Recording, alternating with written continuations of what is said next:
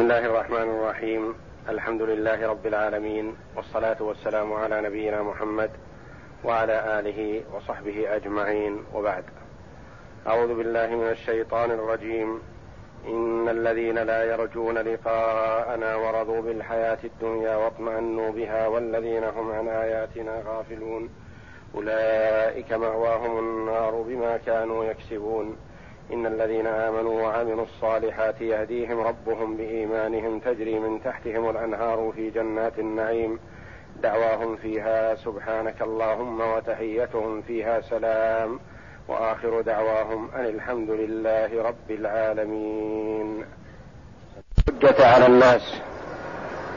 بين جل وعلا عقب ذلك مآل الناس فيما بعد.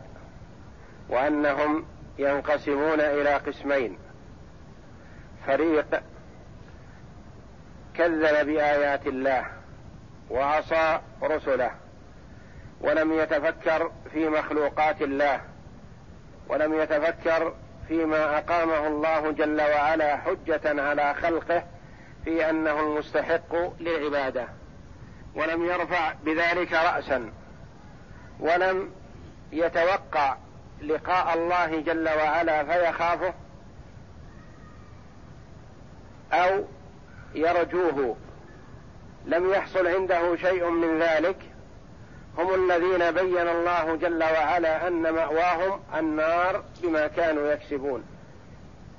والفريق الثاني المؤمنون بالله ورسله المتأملون في آيات الله المتدبرون المعملون لأفكارهم وما وهبهم الله من عقول مع ما أنزل جل وعلا من الآيات القرآنية مع ما أقامه في هذه الدنيا من الآيات الكونية الدالة على قدرته جل وعلا. تأملوا في هذا كله فاستفادوا مما خلقوا من أجله. فعملوا بطاعة الله جل وعلا واجتنبوا معصيته فهؤلاء هم الرابحون في الدنيا والآخرة. هم الذين استفادوا من دنياهم لآخرتهم. فسعدوا في الدنيا والآخرة بين جل وعلا ثواب أولئك بأنهم يهديهم ربهم بإيمانهم تجري من تحتهم الأنهار في جنات النعيم دعواهم فيها سبحانك اللهم وتحيتهم فيها سلام وآخر دعواهم أن الحمد لله رب العالمين. يقول الله جل وعلا إن الذين لا يرجون لقاءنا يرجو تأتي بمعنى يخاف وبمعنى يطمع. وهنا يصح أن تكون بمعنى يخاف بمعنى لا يخاف لقاء الله. ويصح أن تكون بمعنى لا يطمع في لقاء الله. لا يفكر في ذلك.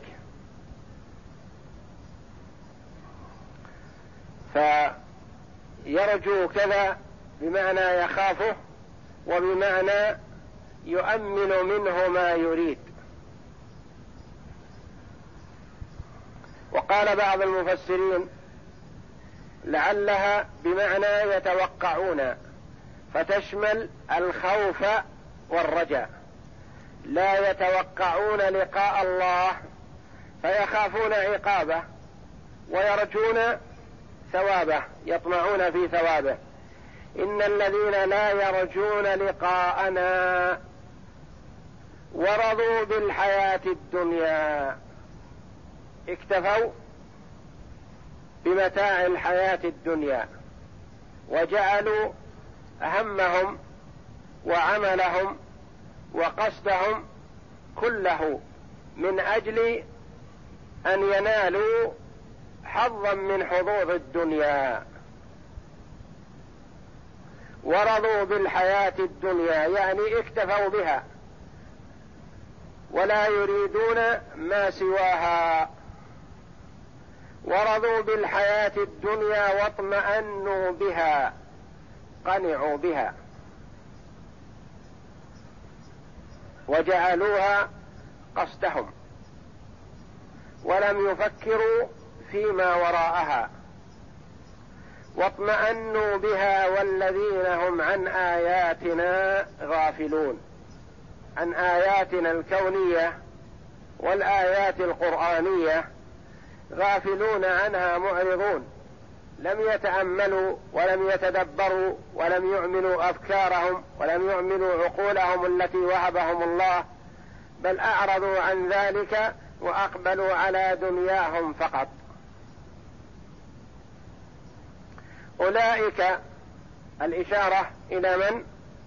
إلى المتصفين بهذه الصفات الأربع المتقدمة. إن الذين لا يرجون لقاءنا ورضوا بالحياة الدنيا واطمأنوا بها والذين هم عن آياتنا غافلون. هؤلاء أين مصيرهم؟ والذين هم عن آياتنا غافلون. أولئك مأواهم النار بما كانوا يكسبون. أولئك أي المتصفون بهذه الصفات الأربع مأواهم يعني مآلهم ومقرهم ومسكنهم في الدار الآخرة مأواهم النار. لما؟ قال جل وعلا بما كانوا يكسبون بكسبهم بأعمالهم الخبيثة استحقوا النار. والله جل وعلا لا يعذب بالنار من أطاعه. رحمة من الله جل وعلا بعباده. لكن هؤلاء بكسبهم الخبيث استحقوا النار.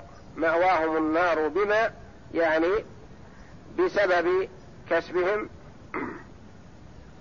أو بالذي كسبوه. فما يصح هنا أن تكون موصولة ويصح أن تكون مصدرية. إذا قلنا موصولة ماذا نقول؟ بالذي كانوا يكسبون بالذي كسبوه بالذي عملوه.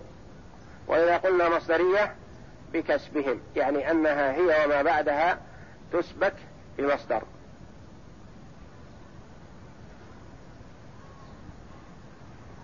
أولئك مأواهم النار بما كانوا يكسبون يعني بسبب كسبهم.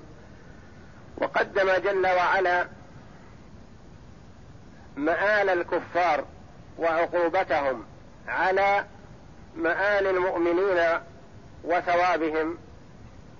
لعله والله أعلم أن الآيات السابقة كلها في مخاطبة الكفار لإقامة الحجة عليهم في أن الله جل وعلا هو المستحق للعبادة وقبل ذلك تعجبهم مما ليس بعجيب وتركهم ما هو واجب عليهم. فتعجبوا من إرسال محمد صلى الله عليه وسلم إلى الناس لينذرهم وليبشر المؤمنين بالجنات. تعجبوا من هذا وهذا ليس بعجيب. وتركوا التأمل في آيات الله والتدبر وهذا هو الذي يستحق العجب لتركهم ما أمروا به وما أقام الله عليه الحجة بأنه هو المعبود والمستحق للعبادة وحده لا شريك له. فعجل جل وعلا بيان مآلهم في الدار الآخرة. ثم بعد ذلك عقب سبحانه ما أعده جل وعلا لعباده المؤمنين في الدار الآخرة فقال وهذه سنة الله جل وعلا أنه إذا ذكر عقوبة الكافرين ومآلهم ذكر بعد ذلك ثواب المؤمنين وما أعده لهم. وإن ذكر ثواب المؤمنين أولا ذكر عقوبة الكافرين وما أعده لهم. يقول جل وعلا إن الذين آمنوا وعملوا الصالحات يهديهم ربهم بإيمانهم. إن الذين آمنوا وعملوا الصالحات. وتقدم لنا الكلام غير مرة على قوله إن الذين آمنوا وعملوا الصالحات. فإذا ورد الإيمان وحده فيشمل القول والعمل والاعتقاد. وإذا ذكر الإيمان مع العمل الصالح فالمراد بالإيمان عمل القلب وتصديقه والعمل الصالح عمل الجوارح. إن الذين آمنوا وعملوا الصالحات يهديهم ربهم بإيمانهم. يهديهم. إلى ماذا؟ إلى الجنة. يهديهم ربهم بإيمانهم. يهديهم يوفقهم في سلوك الصراط المستقيم. صراط في الدار الآخرة. الموصل لهم إلى الجنة فينجوا ينجو من النار. يهديهم ربهم بإيمانهم يهديهم إلى الجنة أو يهديهم إلى على الصراط في الدار الآخرة. يهديهم ربهم بإيمانهم قال بعض المفسرين بمعنى يثبتهم. بإيمانهم يزيدهم الله جل وعلا إيمانا وثباتا وهدى. فالله جل وعلا إذا علم من عبده الرغبة في الخير والاجتهاد فيه وفقه وزاده خيرا. وعملوا الصالحات يهديهم ربهم بإيمانهم يهديهم بسبب إيمانهم وتصديقهم ورغبتهم فيما عند الله. تجري من تحتهم الأنهار في جنات النعيم. تجري من تحتهم الأنهار. المراد بالأنهار هنا أنهار الماء وأنهار اللبن وأنهار الخمر وأنهار العسل. تجري من تحتهم الأنهار في جنات النعيم. في الجنات البساتين النعيم التي فيها النعمة والبقاء والاستمرار لأن ما وجد في الدنيا فلا نعيم فيه لأنه لا استمرار للعبد فيه إما أن يرحل ويتركه وإما أن يخرب ويفنى وهو موجود. فلا استمرار ولا بقاء ولا لذة كاملة. لأن العبد إذا شعر بالأنس في الدنيا بأمر من الأمور تذكر أنه إما تاركه وإما ذاهب هذا الشيء عنه في حال حياته. لا استمرار. لكن نعيم الآخرة مستمر. دائم. لا ينقطع ولا يتغير ولا يهرم المرء في الجنة. ولا يضعف شبابه ولا قوته ولا يحس بمرض ولا غير ذلك من الآفات والعاهات التي قد تعرض للإنسان في الدنيا. تجري من تحتهم. تحتهم يعني من بين يديهم أو من تحت جناتهم لأنهم هم على سرر مرفوعة. فأهل الجنة على سرر مرفوعة وليست الأنهار تجري من تحت سرير المرء وإنما تجري في الجنات وهو يشاهدها ويراها وهو عال عنها. تجري من تحتهم الأنهار في جنات النعيم. إن الذين آمنوا وعملوا الصالحات يهديهم ربهم بإيمانهم. أين خبر إن إن الذين آمنوا وعملوا الصالحات يهديهم ربهم بإيمانهم. تجري من تحتهم الأنهار. تجري من تحتهم الأنهار. يصح أن يكون خبرا ثاني وأن يكون جملة مستأنفة وأن يكون حال مما قبله. في جنات النعيم. في جنات الجار والمجرور متعلق بيهديهم يهديهم في جنات النعيم أو بتجري تجري من تحتهم في جنات تجري في جنات النعيم.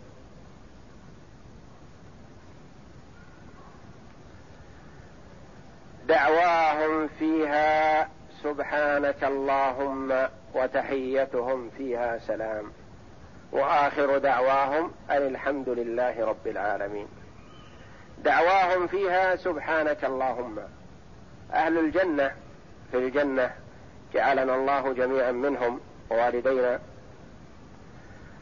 يلهمون التسبيح كما يلهم المرء في هذه الدنيا النفس. دائما تسبيحهم ويلهمونه إلهاما لا يشق عليهم ولا يتكلفونه ولا يحتاج إلى أن يتذكروه أو يغفلوا عنه أحيانا بل يلهمونه كما يلهمون النفس كما ورد بذلك الحديث الصحيح. دعواهم فيها سبحانك اللهم. دعواهم ما يدعون به غلمانهم إذا أرادوا شيئا من الطعام سمع غلمانهم كلامهم تسبيحهم فأتوا فأتوهم بما يريدون. يعني نداء بعضهم لبعض في الجنة. المرء في الجنة إذا أراد شيئا من الأكل سبح فأتاه غلمانه بما يريد.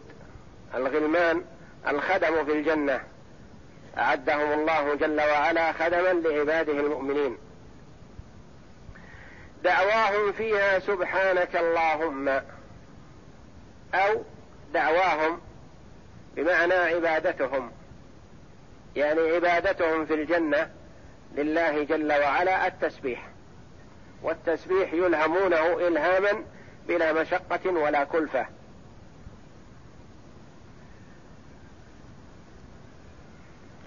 دعواهم فيها سبحانك اللهم وسبحانك اللهم بمعنى أنزهك يا الله. تنزيه لله وتقديس له وتعظيم له. عن مشابهة المخلوقين. سبحانك اللهم وتحيتهم فيها سلام. تحيتهم. تحيتهم. سلام بعضهم. تحية بعضهم. لبعض في الجنة سلام. والسلام اسم من أسماء الله جل وعلا وهو تحية أهل الجنة فيما بينهم. تحيتهم يعني تحية بعضهم لبعض سلام إلى هذا. فيكون من إضافة المصدر إلى فاعله. من إضافة المصدر إلى فاعله. تحية المرء لغيره سلام. أو تحية الله جل وعلا لهم. أو تحية الملائكة لهم سلام. فيكون من إضافة المصدر لغير فاعله. إلى مفعوله. تحيتهم ما يحييهم الله جل وعلا به أو تحييهم به الملائكة سلام. تحيتهم فيها سلام. وآخر دعواهم. نهاية قولهم ويختمون قولهم بالحمد لله رب العالمين. قال بعض المفسرين إذا طلبوا الطعام سبحوا وإذا انتهوا حمدوا الله جل وعلا.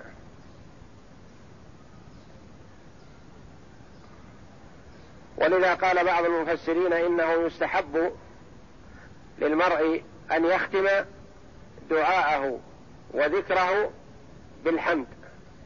أخذا من هذه الآية وآخر دعواهم أن الحمد لله رب العالمين. وأن هنا مخففة من الثقيلة واسمها ضمير الشأن محذوف والحمد خبرها. أو مبتدأ ولله رب العالمين خبره والجملة خبر أن أن المخففة من الثقيلة. وفيه قراءة بتشديد أن ونصب الحمد أن الحمد لله رب العالمين. وقراءة الجمهور أن الحمد لله رب العالمين على أن أن هذه مخففة من الثقيلة واسمها ضمير الشأن أو قال بعضهم لا عمل لها لا تحتاج إلى اسم ولا خبر والحمد لله رب العالمين مبتدأ وخبر. فإذا قيل أن أن هذه عاملة واسمها ضمير الشان تكون الجملة خبرها وإذا قيل إنها أن هذه لا عمل لها تكون جملة مستقلة مبتدأ وخبر. الحمد لله رب العالمين. بسم الله. أعوذ بالله من الشيطان الرجيم. إن الذين لا يرجون لقاءنا وردوا بالحياة الدنيا واطمأنوا بها. والذين هم عن آياتنا غافلون. أولئك مأواهم النار بما كانوا يكسبون. قال الإمام ابن كثير رحمه الله تعالى يقول الله تعالى مخبرا عن حال الأشقياء الذين كفروا بلقاء الله يوم القيامة ولا يرجون في لقائه شيئا وردوا بهذه الحياة الدنيا واطمأنت إليها نفوسهم. قال الحسن والله ما زينوها ولا رفعوها حتى رضوا بها. وهم غافلون عن آيات الله الكونية فلا يتفكروا فيها والشرعية فلا يأتمرون بها فإن مأواهم يوم آيات الله الكونية ما خلقه الله جل وعلا من الآيات الكونية كالسماء والأرض والشمس والقمر والجبال والأشجار والأنهار وغير ذلك من هذه الآيات الدالة على قدرة الله جل وعلا وعلى أنه الخالق لهذه الأشياء. هذه تسمى آيات كونية. والآيات السمعية أو الشرعية ما أنزله الله جل وعلا على رسله. نعم. مأواهم يوم ميعادهم النار جزاء جزاء على جزاء على ما كانوا يكسبون في دنياهم من الآثام والخطايا والإجرام مع ما هم فيه من الكفر بالله ورسله واليوم الآخر. إن الذين آمنوا وعملوا الصالحات يهديهم ربهم بإيمانهم تجري من تحتهم الأنهار في جنات النعيم دعواهم فيها سبحانك اللهم وتهيتهم فيها سلام وآخر دعواهم أن الحمد لله رب العالمين هذا إخبار عن حال السعداء الذين آمنوا بالله وصدقوا المرسلين وامتثلوا ما أمروا به وعملوا الصالحات بأنهم سيهديهم بإيمانهم. يحتمل أن, يكون أن تكون الباء ها هنا سببية وتقديره بسبب إيمانهم في الدنيا يهديهم الله يوم القيامة على الصراط المستقيم. حتى يجوزوه حتى يجوزوه ويخلصوا حتى إلى الجنة. يجوزوه بمعنى يقطعوه ويمروا عليه. نعم. حتى يجوزوه ويخلصوا إلى الجنة ويؤتمل أن تكون للاستعانة كما قال مجاهد في قوله يهديهم ربهم بإيمانهم.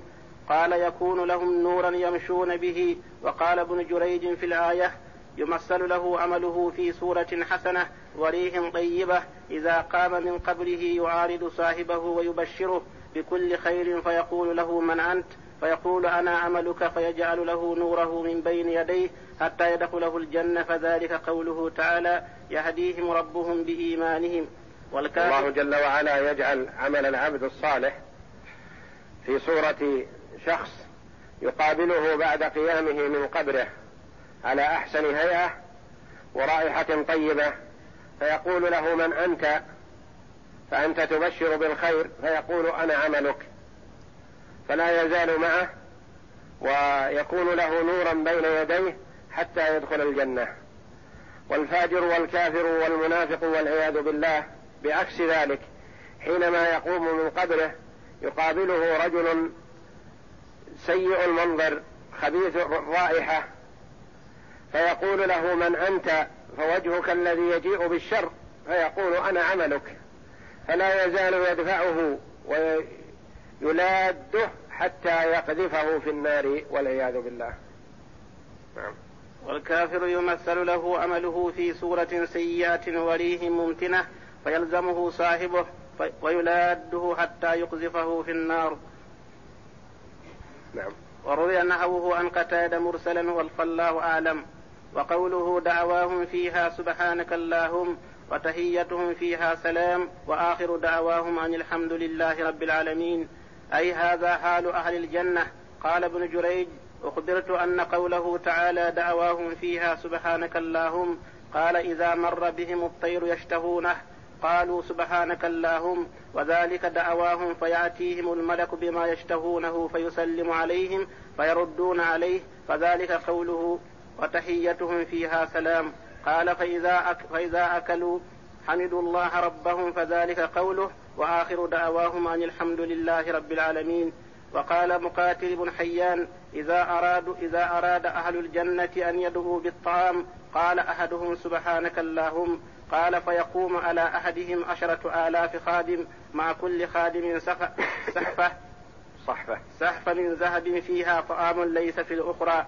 قال فيأكل منهن كلهن. وقال سفيان الثوري إذا أراد أحدهم أن يدعو بشيء قال سبحانك اللهم. وهذه الآية فيها شبه من قوله تحيتهم يوم يلقونه سلام الآية وقوله لا يسمعون فيها لغوا ولا تأثيما إلا قيلا سلاما سلاما وقوله سلام قول قولا من رب رحيم وقوله والملائكة يدخلون عليهم من كل باب سلام عليكم الآية وقوله وآخر دعواهم أن الحمد لله رب العالمين هذا فيه دلالة على أنه تعالى هو المحمود أبدا.